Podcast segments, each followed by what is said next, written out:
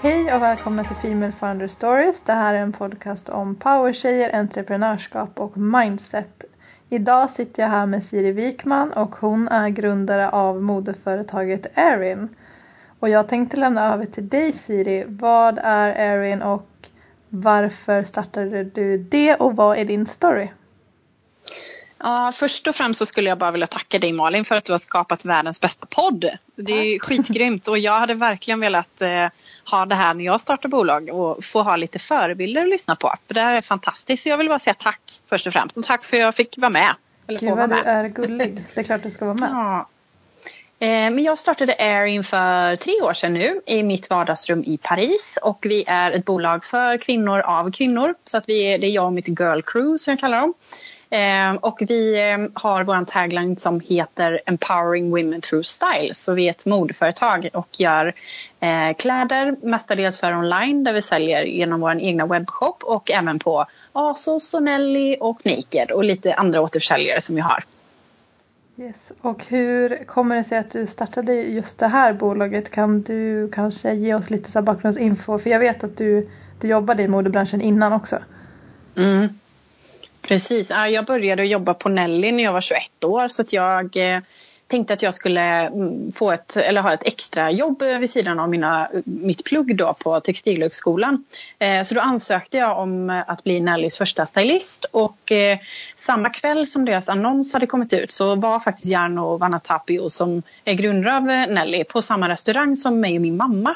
Eh, så han kom dit med sitt grabbgäng liksom och jag kände bara att okej okay, jag måste gå fram och fråga och säga att jag ska ha det här jobbet. Så jag avbröt dem mitt i deras killherrmiddag då och sa att eh, hej jag heter Siri och jag är grym på det här och anställ mig.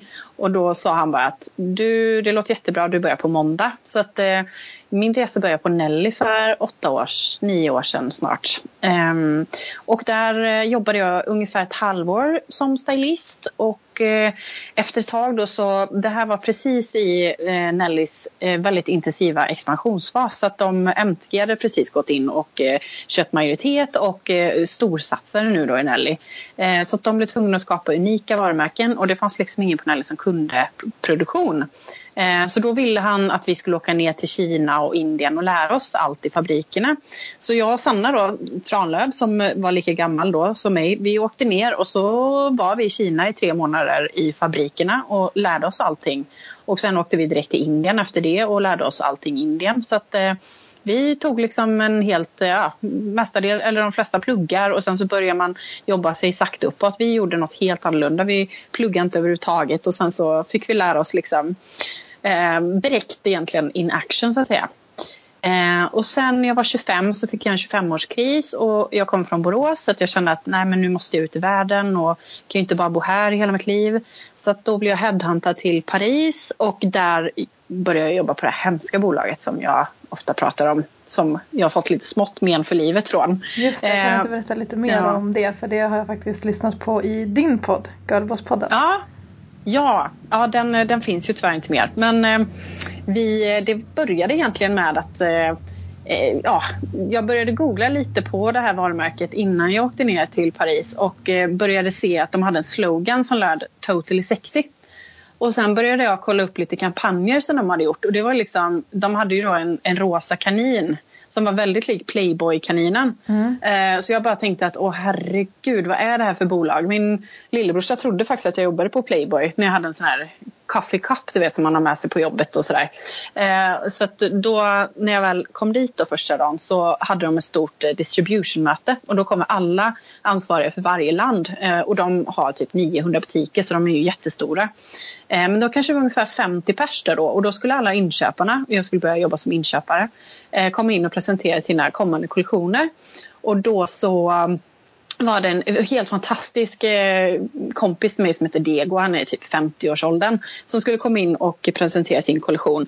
Och då den här kvinnan då som startade det här bolaget för 30 år sedan, eh, som fortfarande var och är väldigt operativ i bolaget, hon skällde ut honom inför 50 pers så han började gråta. Så att det var liksom min första dag och sen fortsatte det faktiskt så och jag grät också flertal gånger. Eh, för vi hade sådana här måndagsmöten då när man skulle ställa sig upp och berätta hur det hade gått för sin sin avdelning. Och mm. ibland gick det bra, ibland gick det dåligt. Och gick det dåligt då var man ju så nervös att man kräktes morgonen innan man gick till jobbet. För att man visste att man skulle få den här jävla psykotiska utskällningen av den här hemska kvinnan.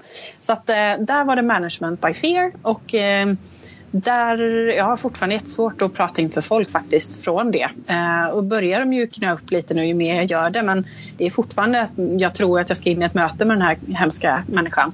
Så att eh, ja, sen jävlar mig startade jag Erin. Så att, lång historia kort men ja, ungefär så gick det till. Ja, men startade du bolaget samtidigt som du fortfarande var anställd eller sa du bara upp det och körde på direkt? Jag sa upp mig och sen eh, direkt när jag hade slutat så satte jag igång eh, dagen efter egentligen. Mm. Och eh, jag hade tre år innan det här varit med om en bilolycka och fick eh, väldigt mycket försäkringspengar faktiskt. Mm. Eh, jag är 4% invalid idag eh, och skadat min nacke. Men i alla fall, de här pengarna använde jag till att starta bolaget. Så att, det var mitt startkapital från början. Och då satte jag igång egentligen och skissade på affärsplan. Drog alla kontakter jag hade, samlade alla erfar erfarenheter som jag haft från tidigare bolag. Och sen visste jag ju att jag älskade online så jag saknade verkligen det och ville tillbaka. Så jag visste från början att det skulle bli ett bolag som var inriktat på online. Men vad tror du var som fick dig att ta steget att just starta? Var det att du var i en dålig arbetssituation eller skulle du förr eller senare ändå alltid blivit entreprenör? Ja, jo men jag, jag, tror jag, jag har nog alltid velat starta ett eget bolag. Sen har jag nog inte vetat vilken bransch det skulle bli någon, men jag visste att jag skulle starta eget. Men jag kände väl att jag hade tillräckligt mycket erfarenheter, kände att jag hade tillräckligt mycket kött på benen för att Eh, för att kunna göra det här bra. Hade det varit två år tidigare så hade jag inte fått erfarenheten från eh, Paris och de största europeiska marknaderna som jag lärde mig jättemycket utav. Så att även ifall det var en jävligt tuff resa så var det väldigt, väldigt bra för, eh, för mitt bolag nu idag då. Mm. Så det var bra läxor. Men jo, jag hade nog, jag hade startat företag vilket fall som helst. Men, men det här är det jag tycker är absolut roligast och det tror jag att man blir bäst på också faktiskt. Men vad skulle du säga har varit din största drivkraft i livet generellt? Som har tagit dig dit du är idag? Oj, vad svårt. Det var en jättebra fråga faktiskt. Men kanske en lite galen övertro på sig själv kanske. Jag ja. tror att jag är en typisk person som kanske... Har ja, lite lättstorhetsvansinne? Ja, nej, lite mer den här underdog-tjejen kanske. Jag, vet inte, jag har alltid känt mig lite som en underdog på något sätt. Att mm. man liksom fightas mot eh, de som är större och bättre och, och sådär. Så jag tror att eh, det, den drivkraften som underdog, den ska man inte undervärdera. Alltså. Den, är, den är bra. För mig har den varit jättebra. Vad tror du att den drivkraften kommer ifrån? Har den funnits med dig sedan du var liten? Ja, alltså jag tror att jag alltid varit ganska tävlingsinriktad. Sen har jag alltid varit väldigt dålig på att tävla själv. Jag kommer ihåg att jag spelade fotboll och sen körde jag i friidrott. Och när jag tävlade själv så var jag alltid så nervös. Jag kräktes och skakade och sådär. Men fotbollsmatch när man tä liksom tävlar med ett team, det, det var en helt annan sak. Så att jag alltid trivs mycket bättre i grupp än själv så. Eh, så att, eh, jag har alltid vetat att jag liksom vill ha mitt crew och mitt girl crew nu som jag har idag då. Då mm. trivs jag som allra bäst. Ehm, jag tänker lite på så här, vad, vad som är ditt varför i varför du driver bolag och just bakgrunden kanske till Erin. Finns det någon sån här speciell grej som bara, ja ah, men det, det är det här som gör att jag orkar? Ja, men alltså vi har ju en ganska, vi har ett socialt företagande i bolaget som är väldigt, väldigt viktigt för mig. Och det kommer egentligen från att när jag var 21 och jag sen åkte till Indien så Eh, möttes jag av en helt annan verklighet och förstod att det var helt, det spelar det är en stor skillnad på att vara tjej i Sverige än att vara tjej i Indien och märkte vilka begränsningar man hade som kvinna i Indien. Eh, vad man inte fick göra, hur man inte fick se ut och eh, det var lite som en, eh, ja, en käftsmäll. Det är mycket barn, mycket, mycket fattigdom. Det är mycket när man kör bil mellan leverantörer så står det eh, små barn på gatorna och det skar så fruktansvärt i hjärtat och jag kände att man måste kunna göra mer, speciellt när man eh, till exempel har produktion i vissa delar av länd, eh, vissa länder som är väldigt utsatta så kände jag att, jag att jag tidigt ville ha ett engagemang som gav tillbaka till de samhällena och de länderna som man eh, producerar i eller jobbade i. Så att, eh, redan från början så visste jag att jag ville ha ett välgörande fokus i, för Erin. Så att, eh, vi startade Erin Academy i ungefär samma veva och eh, vi har alltid haft en feministisk inriktning i bolaget där vi jobbar för kvinnliga rättigheter på olika sätt. Mm. Och Erin Academy till exempel är till för att få unga tjejer i Indien att få gå i skolan. Så vi, tar, eh, vi samarbetar med en organisation och vi har en koordinator i Indien som heter Iteshi som är helt fantastisk. Eh, som då eh, hittar de här fantastiska tjejerna som är i en väldigt utsatt situation och så hjälper vi dem att få gå i privatskola i Indien.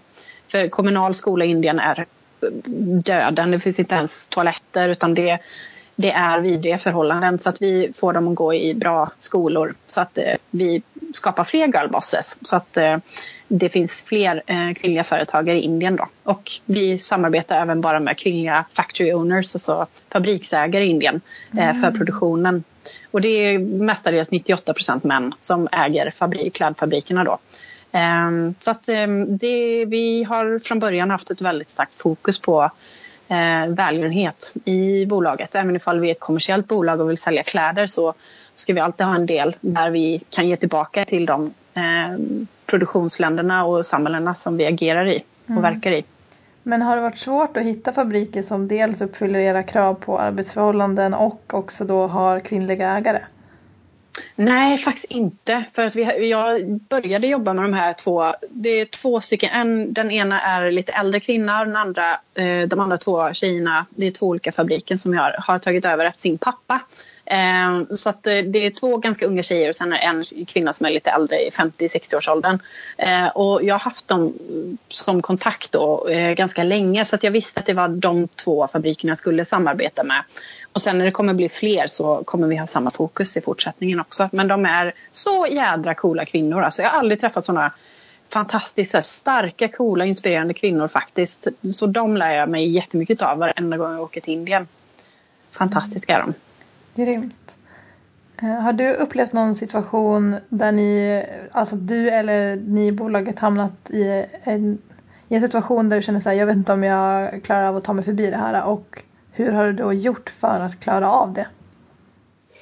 Mm, det var nog kanske där i början när jag startade Erin för då jobbade jag alldeles, alldeles för mycket. Jag satt ju där själv i mitt vardagsrum och jobbade väl 16 timmar om dagen i ett halvår ungefär. Så jag sov ingenting och den här pressen som jag kände på mig själv att nu har jag, nu har jag sagt upp mig från ett bra jobb eh, som var hemskt men bra eh, och nu måste jag verkligen göra det här. Så att, eh, Eh, efter ett halvår så blev jag ju jätteknäpp. Jag fick ju grav panikångest och vågade knappt gå ur min lägenhet och vågade knappt liksom gå och handla för att jag fick, blev folkskygg helt plötsligt. Och sådär. Så där kände jag väl att där kunde jag ha tagit stopp och där hade jag kunnat eh, avsluta det där och börjat på något annat för att jag mådde så jävla dåligt där ett tag. Eh, men då, då sökte jag hjälp och eh, började käka lite medicin och eh, ja, sen dess så har det faktiskt inte varit några problem. Jag, när jag varit tjejer och när jag, mina tjejer har börjat och när vi har liksom varit ett team så har den pressen jämnats ut lite. Det var lite ungefär som att spela i ett fotbollslag versus spela eller tävla i solosport. Eh, det var mycket enklare att hantera stress och press i en grupp på något sätt mm. när vi kunde hjälpas åt och sådär. Men där kunde absolut, där var jag nära på att kasta in handduken redan från början faktiskt. Men hur såg det då ut när du startade? Från att du, du sa upp det och började skriva affärsplan. Hur lång tid tog det till att du lanserade och hur slår man sig in som ett modeföretag? Konkurrensen är ju sjukt hård. Mm. Ja, verkligen. Eh, det tog väl, jag startade Erin i oktober 2014 så att det tog väl ungefär och vi lanserade sajten i juni. Mm. Så det tog ju ganska ett bra tag där men jag satt väl själv i ett halvår tills jag började anställa min första person då som var Anna. Eh, så det tog ju ett tag eh, innan vi kom igång men eh, vi har väl alltid velat ha nischen som svensk, svenskar i Paris och lite den nischen mellan skandinaviskt mode och franskt mode eller parisiskt mode då mm. rättare sagt. Så att den nischen ville vi behålla och tyckte ändå att den skulle bli jävligt cool.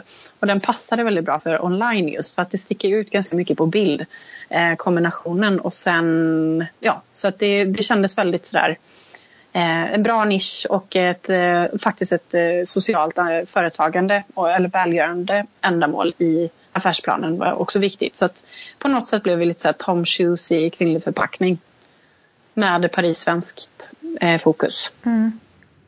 Hur ser en, en typiskt eh, modeår ut? För visst jobbar du typ minst ett halvår i förväg? Hur lägger man Mm. upp hela den, den grejen för någon som inte kommer från modebranschen? Hur, hur långt fram jobbar du? Jo, men det är nog ett halvår. Sen har vi lite snabbare processer också, men vi jobbar ganska traditionellt just nu i alla fall. Ehm, och man jobbar ju alltid ja, minst ett halvår. Så man, nu har vi jobbat med 2018 och börjar med hösten 2018 just nu. Mm. Så att det, man, man jobbar verkligen sådär. Man vet inte om det är 2018 eller 2017 längre efter ett tag för att man har jobbat så mycket och skrivit 2018 så mycket. Ja. Eh, nej, men så att våra processer är ganska långa. Men det är också för att vi ska ha en, en bra process för flödet och att alla ska hinna med. och Att fabrikerna ska få chans att hinna göra en bra produktion. Att vi ska hinna båta. Eh, så att det, det är mycket, som, som, mycket tid som går åt eh, emellan. Så att det är bra du mycket tid. grejerna då? Precis, Ja. exakt. Förlåt. Du, du får hojta om jag använder mig för mycket av såna här... Nej, man ja. kunde lista ut vad det var men jag, jag ville bara Ja. förtydliga. Precis, precis. Man, man skeppar det alltså med båt från Kina eller Indien då Mm. till eh, vårt lager i Sverige.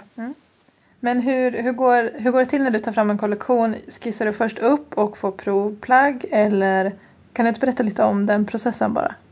Absolut. Det är ju Olivia, min eh, bästis då, som är design eh, eller creative director som skissar allting. Mm. Eh, och hon, eh, hon påbörjar en skiss eh, som hon ritar i Illustrator och sen gör hon en färdig technical file och då så har vår direktris gjort måttlistor på hur det ska sitta på en large eller extra large eller extra small eller small.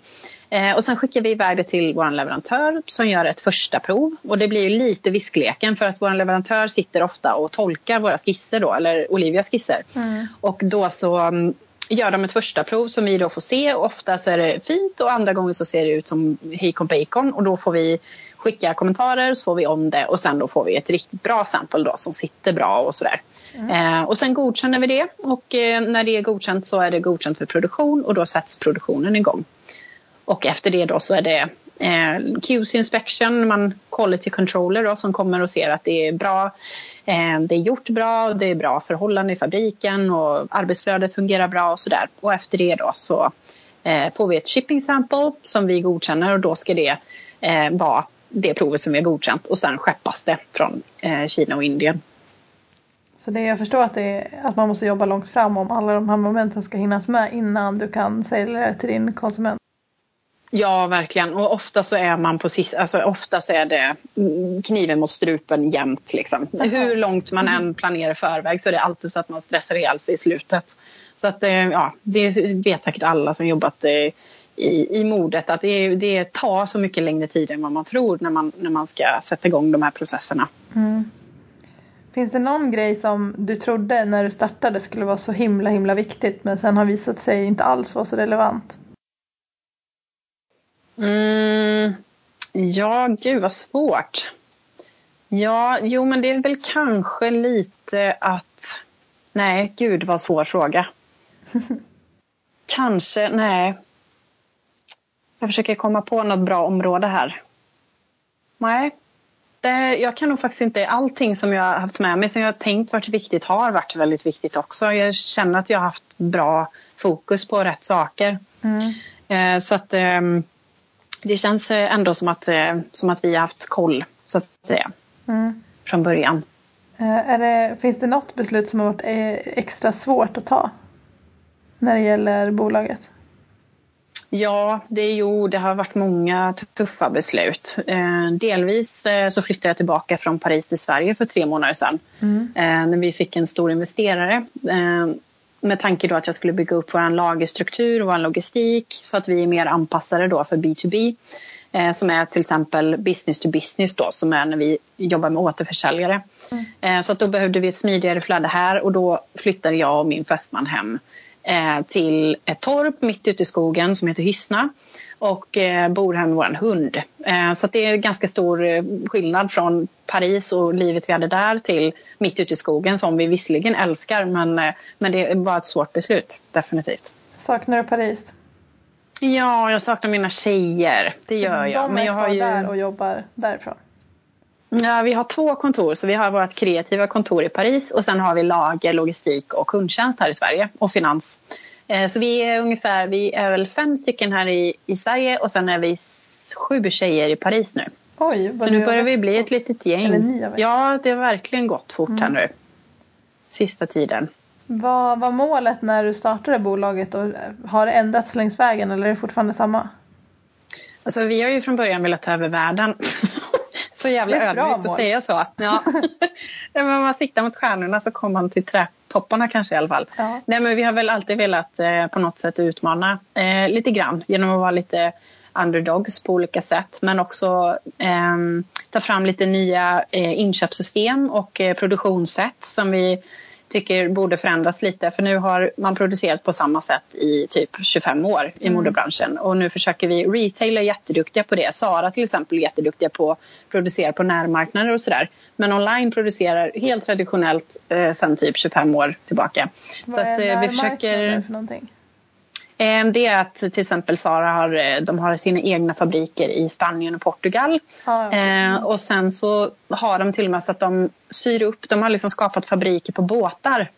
Så att de tar med sig liksom eh, fabric eller tyg från Kina och sen så har de skapat en hel fabrik på båten så att när båten är framme i, vid kajen så är hela produktionen klar och packad och färdig. och sen kör de tillbaka så håller de på så liksom. Mm. Eh, ja, så, att, eh, så gör de. Mm. Eh, så vi försöker väl utmana eh, onlineproduktionen kan man säga genom att eh, köra ett on-demand-system. Mm. Eh, så det ska bli jättespännande att lansera här nu. Mm, spännande. Finns det något specifikt som du känner att du fått offra för att komma dit du är idag? Kanske min mentala hälsa emellanåt. ja, men det känns lite så faktiskt. Att det, var, det har varit en jättestor påfrestning det här och eh, för mig mentalt har det varit den absolut största på, påfrestningen. Man jobbar mycket och eh, ibland känner att man inte orkar och, och sådär. Så att det är väl många gånger som jag har ifrågasatt mitt levande på många sätt i och med att man mår ju inte bra när man jobbar för mycket och är instängd och, och isolerad så som jag var i början till exempel. Så att där fick jag mig ganska bra tankeställare att det här får jag, jag måste ändå ta hand om mig själv.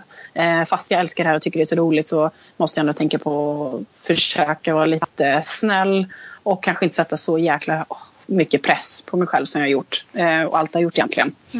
Eh, så det är väl det offrat då kanske emellanåt, mentala hälsan. Har du känt att alla har förstått det, ditt sätt att leva eller det valet du har gjort att faktiskt satsa helhjärtat på det här? Nej, absolut inte. Det känns ehm, eh, kanske som att mina närmaste vänner tycker att det är helt fine och alla supporter är jättegrymma. Men det finns en hel del bekanta kanske som har lite eh, ja, har lite ja, tankar om att man inte borde jobba så mycket och att man kanske borde skaffa barn när man är 29 år och lite sådär. Men jag har inte riktigt kommit dit än och Nej. vet inte riktigt hur, hur jag ska göra det heller. Så att, eh, det får bli ett, eh, ett senare moment för mig tror jag. Mm. Har du upplevt någon negativitet eller avundsjuka kring det du har åstadkommit? Eller har det alltid varit positivt? Jag tror ändå att det mesta har varit positivt faktiskt. Sen vet jag inte vad, om det är kanske någon som säger något när jag inte ser eller hör. Men, men eh, nej, jag har inte fått så mycket avundsjuka. De flesta brukar vara väldigt supportive och stöttande och pushande och sådär faktiskt. Eh, men, men det är klart att eh, det finns säkert någon som har tyckt att jag ja, har gjort något, någonting som inte de håller med om. Jag förstår. Um, har du någon strategi kring hur du hela tiden utvecklar bolaget? Alltså hur du kommer på nästa idé eller koncept eller liksom ja, hela tiden får det att flytta på för man kan liksom aldrig stå still riktigt, riktigt. Nej, jag tror för våran del så har det väl varit att vi alltid fokuserat på att ha väldigt mycket energi i teamet och det är väl det som vi man kan prata om effektivitet, man kan prata om ja, olika nyckeltal, KPI men, men för oss, eh, för att driva oss framåt så har det alltid varit att vi har haft mycket energi och att vi ger varandra energi också på vägen. Om vi märker att det är någon som haft det tufft eller jobbigt på något, det har varit mycket på jobbet eller mycket privat så försöker vi att supporta och stötta varandra där. Ehm, så det, det tror jag driver oss framåt hela tiden, att vi hela tiden går in med väldigt, väldigt mycket energi. Och det, det tar ju mycket på en som person att ge så mycket energi till sitt team också, eh, som alla gör. Eh, så att det är klart att det kan bli utmattande i sig eh, efter ett tag. Men, men det skulle jag säga driver oss framåt och också viljan att försöka förändra vår industri till något bättre. och eh, kanske till något lite mer spännande och innovativt. Mm. Eh, jag tänker att du lär ha lärt dig en hel del under din resa som entreprenör. Mm. Om du får skicka med ett tips till eh, den där tjejen som sitter och hemma och funderar på bolag hon ska starta, vad skulle det vara? Eh, för typ av bolag eller hur hon ska tänka på när hon startar det? Nej, hur hon ska tänka när hon startar det. Mm, då skulle jag säga att eh, gör en grym affärsplan och sen din budget, gångra den med fem. Mm. Och sen skulle jag vilja säga att eh, um, om det inte är meningen så är det inte meningen. Så vissa grejer som inte till exempel avtal som man inte får eller kunder man inte får, då var det inte meningen. Jag brukar alltid tänka så. Så kan man fokusera på nästa grej istället för att gräma sig över det som inte blev. Mm. Eh, och sen bara försöka att ta det lite lugnt. Jag vet att man är så jädra taggad och man vill av hela sitt hjärta att det här ska bli så bra. Men försök att tänka lite på dig själv och ta hand om dig själv samtidigt också. Mm. Eh, så du inte blir en knäppjök som jag var där ett tag. Jag tänker lite på införsäljning och sådär. Mm. Hur fick ni era första kunder? För ni säljer ju både via webbshoppen mot konsumenter men ni mm. jobbar också som du sa B2B. Hur, ja, precis. Hur blev det så? Och hur sålde du in Erin till dina återförsäljare? Mm, alltså jag, jag har ju, mina bästa kompisar är ju faktiskt inköpare kan man väl säga. Så det är ju, jag har jobbat på Nelly så där hade jag ju alla mina kompisar som köpte in Erin. Så då, Nelly var den första som supportade mig och köpte in min första kollektion. Vilket är jättemodigt för oftast är det svårt med leveranstider, man har ofta förseningar som litet nystartat bolag. Eh, men Nelly vågade verkligen satsa med en stor och bra order. Mm. Och sen så startade ju Sanna och Jarno Naked. Mm. Eh, så det är ju mina bästisar också. Så att Naked köpte in den också. Och sen min kompis från Nelly, Johanna, hon jobbar på ASOS och hon köpte in eh, Erin. Så egentligen så är det bara mina kompisar som har köpt och sen har de andra följt efter kan man väl säga. Mm. Så du fick ju ganska tunga varumärken direkt som köpte in Ja, Erin. precis. Ja, det är helt fantastiskt. Ja, och jag ser inga problem med... Sen har jag många andra kunder som inte har varit mina kompisar men som jag har stalkat på LinkedIn och som jag har stalkat på Facebook. Eh, så all heder åt stalkare skulle jag vilja säga. Inte då på privata delar men professionellt så stalkas satan, det är skitbra. Hur gör du då? Sitter du och skriver små meddelanden till dem hela tiden eller bara håller koll på vad ja, de gör? Ja, ja. Absolut, nej nej nej. Jag, jag håller inte koll på vad de gör så mycket. Men till exempel om jag inte har någons mail så brukar jag gå in och sen så söker jag då till exempel på eh, ja, nu skulle jag hitta en kontakt till eh, Bloom, vad heter han? Bloom, Blooming Birth. Ja, en New York-kund i alla fall till oss. Mm. Eh, och då skulle jag hitta en, en, eh, en mailadress till en tjej så då skrev jag in Blooming Birth buyer. Och jag visste att hon var inköpare.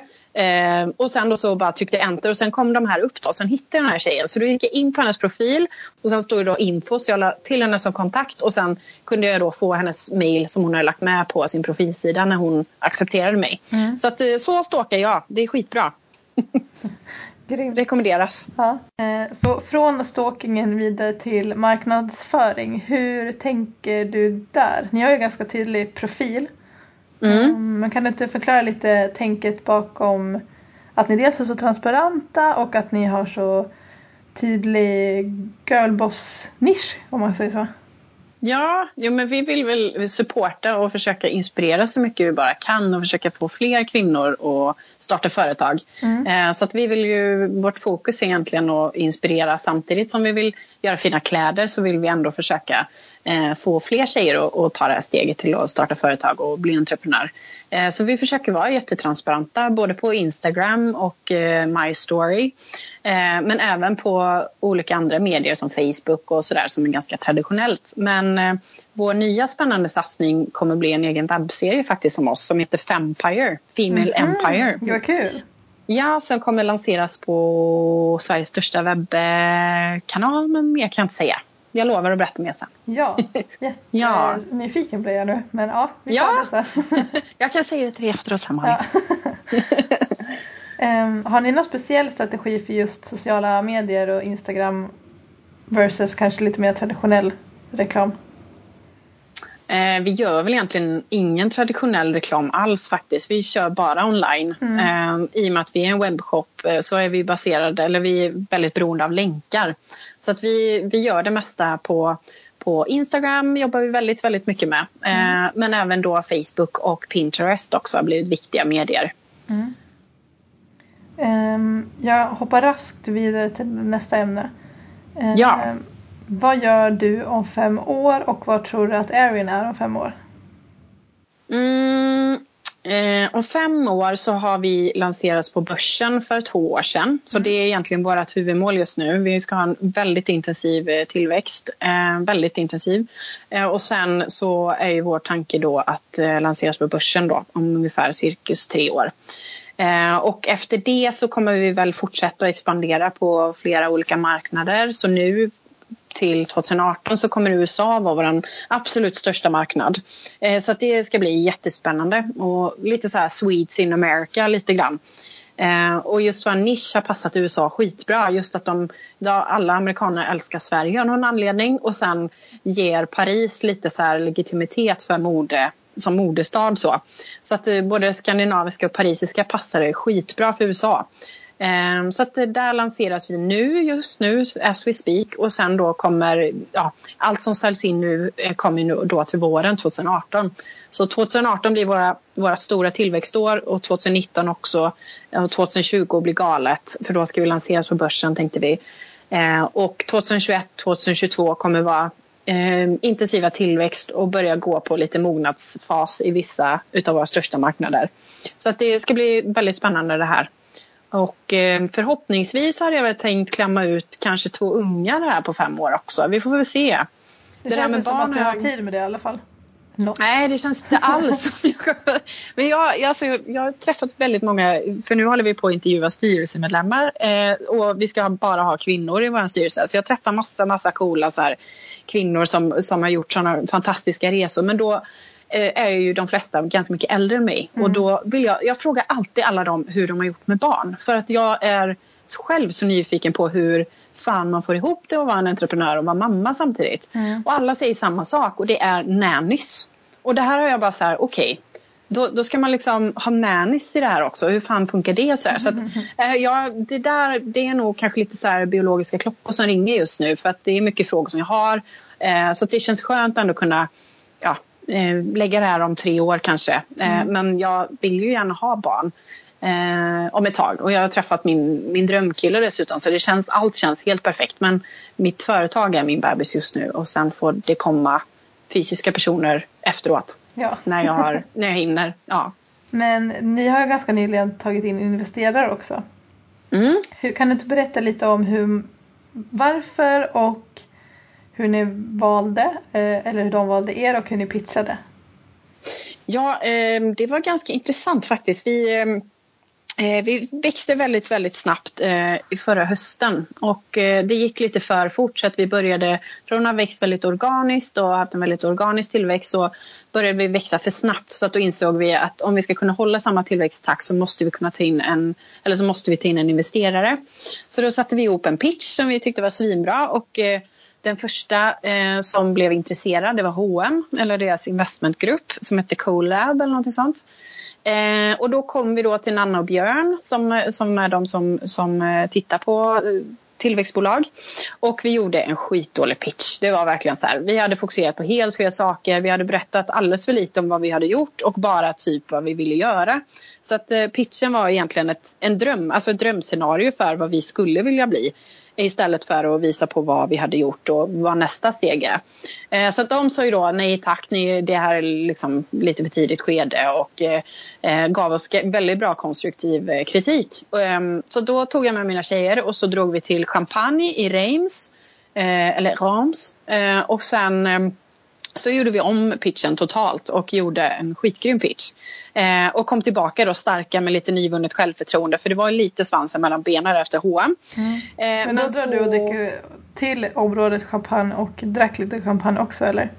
Alltså vi drack så mycket champagne också, det ja, gjorde vi. Men det känns ändå rimligt. det var skittrevligt. Ja, ja, verkligen. Ja, men ska man jobba dygnet runt då får man ju muta sig ja. Eh, lite grann. Så att vi gick på så här champagnegrotta och sådär och, och spanade in. Eh, ja, så det var jättekul samtidigt som det var bara fokus på jobb egentligen och göra våran pitch perfekt. Pitch tipset.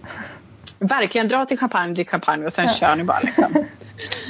Eh, men sen kom vi hem därifrån och sen då så skrev jag i den här eminenta och fantastiska eh, Facebookgruppen Heja livet. Mm. Och så skrev jag att vi sökte en kvinnlig investerare. Och eh, sen så då så började vi komma i kontakt med lite olika investeringsnätverk och vi kom i kontakt med ett investerings affärsingelsnätverk som heter Angeler med Camilla och Vendela och grabbarna. Så att det är två tjejer och två killar som har startat Angeler. Och de är skit, skitunga och skitgrymma verkligen. Så att de connectar då startups med in, investors. Eh, och så genom dem så träffade vi flera olika och jag träffade också flera andra olika eh, personer som skulle investera. Eh, men det slutade med att en man som heter Gert Nordin gick in och investerade 9 miljoner kronor i maj. Och eh, det här är ju världens coolaste och roligaste person som jag någonsin har träffat måste jag säga. För han är så jädra klockren och även typ lite pappa för alla oss kan man säga lite pappa Erin liksom. Ja. eh, så att han är verkligen så här, han älskar, han, han supportar mycket så här, kvinnlig idrott och kvinnlig fotboll och sådär. Så att han är, han är verkligen så här, han älskar girl power och supportar oss hela vägen. Så det känns så jäkla bra. Kul. Ja. Um, jag tänker så här, hur ser en vanlig dag ut för dig och vad är din roll i bolaget nu? Eh, min roll är VD så att jag är då verkställande direktör så jag har väl ganska, jag jobbar med väldigt, väldigt olika saker varje dag. Men jag är inblandad i allting kan man säga men försöker inte vara för operativ på alla områden för jag vill att alla ska kunna ta ett ansvar. Men sen har jag ju förstått med tiden att jag är ett control freak och eh, vill ha kontroll på allt. Det här, är, det här är någonting som jag har jobbat med jättemycket med mig själv senaste halvåret framför allt. Försöka lämna ifrån mig ansvar och försöka låta folk ta ansvar själva. Eh, så att min dag är att jag går upp ungefär vid 9-10 kanske. Jag är en kvällsmänniska så jag har förmodligen jobbat till tre kanske natten innan. Oj. Och sen så eh, kommer jag till jobbet vid 11 snåret skulle jag vilja säga och sen jobbar jag till 8. Och sen så kommer jag hem och så käkar jag middag och så kanske jag tar en löprunda och sen så går jag och lägger mig vid tre. När jag har svarat på mina sista mejl. Så det var därför jag fick svar så snabbt där när jag mejlade dig vid 23-tiden. Ja, ja, absolut. Då är, mitt, då är jag i min peak. Ja, eh, jag har eh, en fråga också kring förebilder. Om du har någon förebild nu och vad Ja. du, vilka förebilder du hade när du startade? Mm, jag måste ju säga Kristina Stenbeck. Denna fantastiska kvinna som jag kallar för Queen C. För hon är ju verkligen Queen C i hela världen kan jag tycka. Men, nej, men för mig är hon helt fantastisk. En fantastisk eh, businesskvinna som har verkligen ehm, tagit, eh, tagit ja, gjort helt fantastiska saker med både Kinnevik och, eh, och med alla bolag som är involverade i Kinnevik. Så att det, nej, hon är verkligen fantastisk. Det är min största förebild affärsmässigt. Och faktiskt även privat. Hon är jävligt skön och jävligt rolig. Har du träffat Kristina Stenbeck? Ja, det har jag gjort. Hon, eh, vi hade ju, jag var med på hennes Women in Tech eh, när hon körde en carpool karaoke som var ett jättekul eh, koncept. Mm. Och det var precis när vi var ute och pitchade sms att hon supportade oss och hjälpte mig jättemycket när vi sökte investerare. Så att hon var verkligen en grym supporter där. Så då intervjuade hon mig på scen. Ehm, så att eh, nej, hon är fantastisk verkligen. Och det är Jag coolt är att väldigt avundsjuk nu för att hon är eh, absolut en nå- någon som jag skulle sitta och dricka kaffe med en kvart. Alltså man vill dricka vin med henne, man vill hänga, man vill bo hos henne också. Känner- Hon är verkligen rolig, humoristisk, skön person som har eh, sjukt mycket, eh, ja, sjukt mycket humor och värme. Mm. Grymt. Eh, Jag har en sista fråga. Mm. Vilket är ditt favoritcitat? Åh herregud vad svårt. Ehm, gud vad svårt. Jag brukar inte vara så bra. Jag läser väldigt, väldigt, väldigt mycket dikter. Mm. nu låter jag lite sjuk i huvudet men jag älskar Karin Boye väldigt mycket. Ja. Hon, hon, eh, hon eh, har helt fantastiska dikter. Så att quotes är jag fan inte bra på, jag måste säga det. Men kan du Men- ta en liten minidikt då? Nej, nej men gud jag kan inte göra. Fan Malin, det här kommer ju vara jättepinsamt. Nej, nej men gud vad ska man ha för bra quotes då? Åh. Jag borde nästan gått in på vår Pinterest och tagit något bra citat. Men jag älskar ju kvinnocitat. Jag älskar ju så här empower, empowerment citat. Mm. Så ehm, Jag skulle nog vilja säga att det, det är mina absoluta favosar. Sen kan jag bli typ lite lack när företag som kanske H&M eller andra bolag som har så här feministiska quotes på t-shirtar till exempel men inte mm. riktigt gör så himla mycket åt det. Då kan jag bli lite frustrerad. Men, eh, men eh, ja, empower quotes för kvinnor tycker jag är fantastiska. Men då tänker jag så här, du väljer mer ett tema över quotes istället? Det får bli ja, din ja, ja. ja, det var jävligt tråkigt. Jag ber om ursäkt för det. Eh, jag kommer välja något åt dig sen till din poddbild så det blir bra. Ja, fint. Tack. Tack så hemskt mycket för att du tog dig tid att vara med i podden. Jag tror att du kommer inspirera jättemånga. Ja, men tack Malin vad gullig du är och tack så jättemycket för att jag fick vara med. Det var jätteroligt. Ja.